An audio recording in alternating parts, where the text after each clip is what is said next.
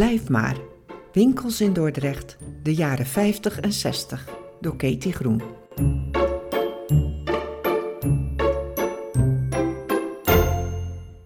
De slager liet meer van het beest zien.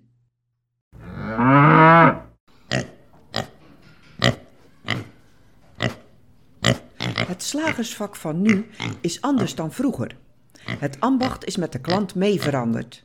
Sjaak Pluimert weet er alles van.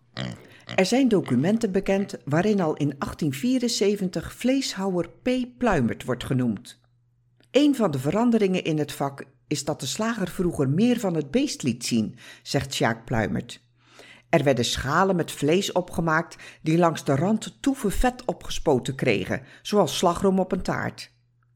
In het algemeen deed de slagerij van vroeger veel meer met etalages, waarin je ook meer van het beest zag. In een mooie etalage hingen bijvoorbeeld grote stukken spek waarin kunstige motieven waren gebrand. De slager was trotser op zijn waren. Mijn overgrootvader opende een van de eerste slagerswinkels in Dordrecht, aan de Sluisweg. Daarna waaien de familieleden uit die winkels begonnen aan de Sint-Jorisweg, Noordendijk, Admiraalsplein en winkelcentrum Bieshof.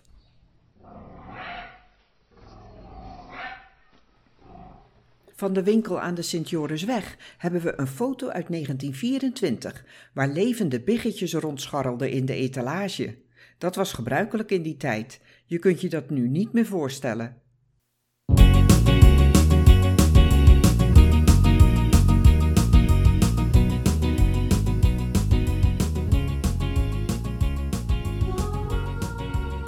In de jaren 50 en 60 had de vader van Sjaak, Wim Pluimert, samen met zijn broers Koos en Henk een bloeiende zaak aan het Admiraalsplein.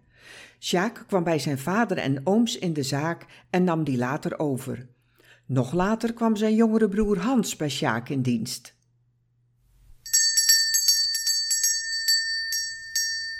Een winkel hebben in Wielwijk was anders dan anders, zegt Sjaak.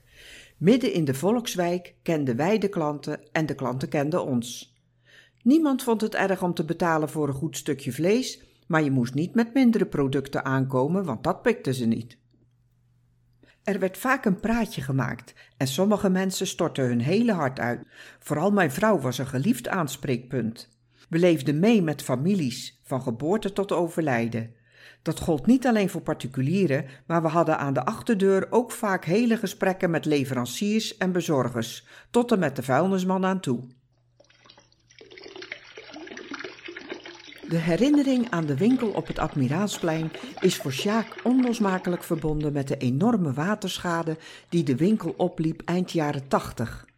Sjaak zegt: In een van de flats boven de winkel was een waterleiding gesprongen en het naar beneden stromende water had de hele zaak vernield.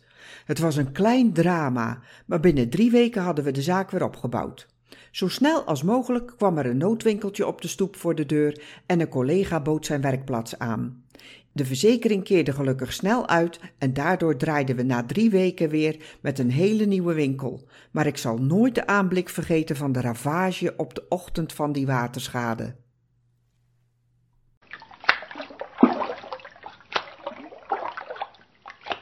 Ook zal ik nooit vergeten dat er vrijwel direct een man op de drempel stond die vroeg om een pond gehakt.